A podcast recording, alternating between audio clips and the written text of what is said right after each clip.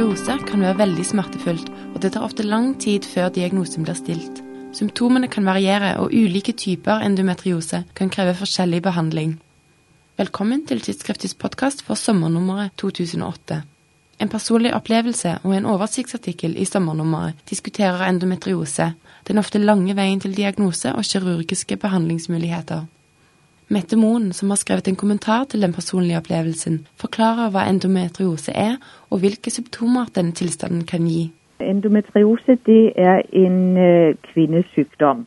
Den skyldes at den slimhinde som vanligvis bare ligger inne i livmoren og som vokser gjennom cyklus og avstøtes ved menstruasjon, at den er kommet på avveie, kan vi si populært.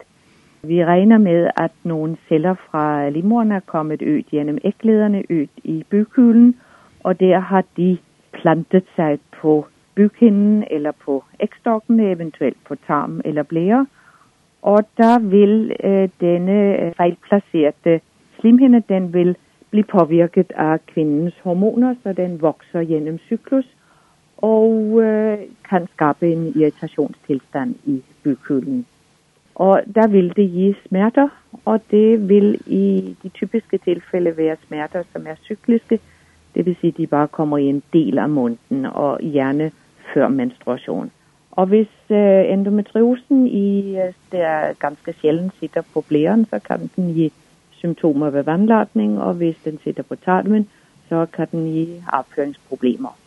Og det som er øh, det specielle ved symptomene, at de kan komme og gå. De er ikke konstant til stede, og spesielt til stede før menstruasjon. Og der kan også være smerter ved samleie, og igjen kan også det være noe som er bare i en del av syklus. Og det gjør kanskje symptomene vanskelig å tolke. Kan du fortelle litt om problemstillingen til familien Brekke, som ble presentert i den personlige opplevelsen? Ja, de opplevde det at deres datter fikk sterke menstruasjonssmerter. Og der fik hun den behandling som er øh, vanlig at give til unge jenter med slike problemer. At man giver den smertestillende midler, og hun har prøvet p-piller, og det har ikke hjulpet.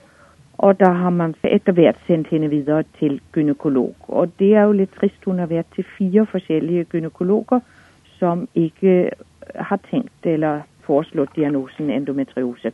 Det som er det vanskelige, det er at endometriose kan ikke påvises ved en vanlig gynækologisk undersøgelse. Og det kan heller ikke ses ved ultralyd. Og da har hun efter hvert fået andre symptomer øh, i tillegg til smerterne, Hun har fået træthed, vannlatningssymptomer.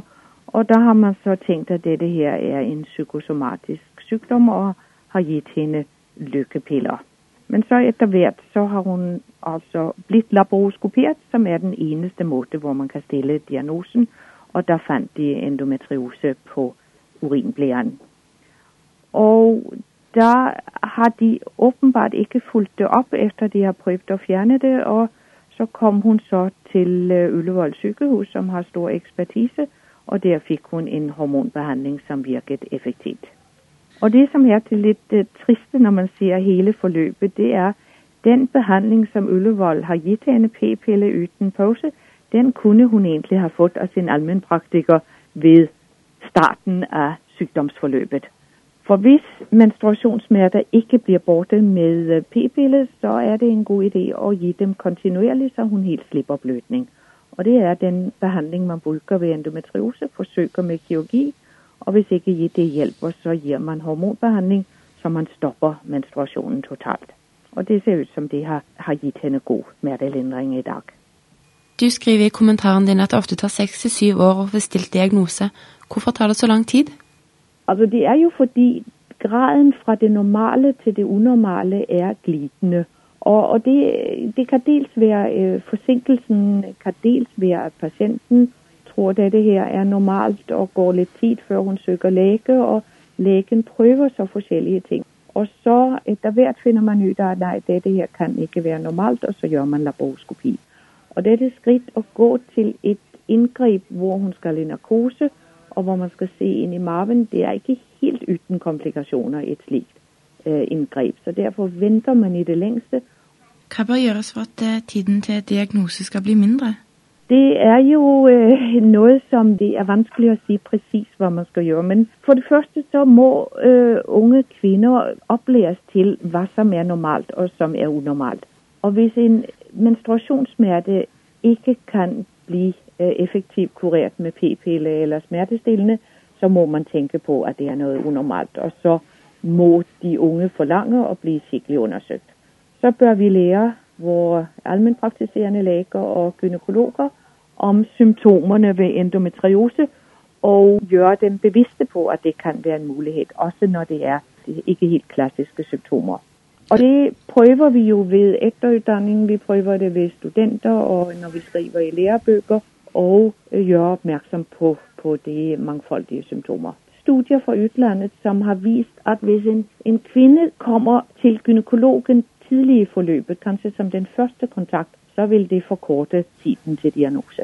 Bør en eventuell prøvebehandling med kontinuerlige p-piller før en har gjort laparoskopi? Ja, det ville jeg absolut foreslå, ja.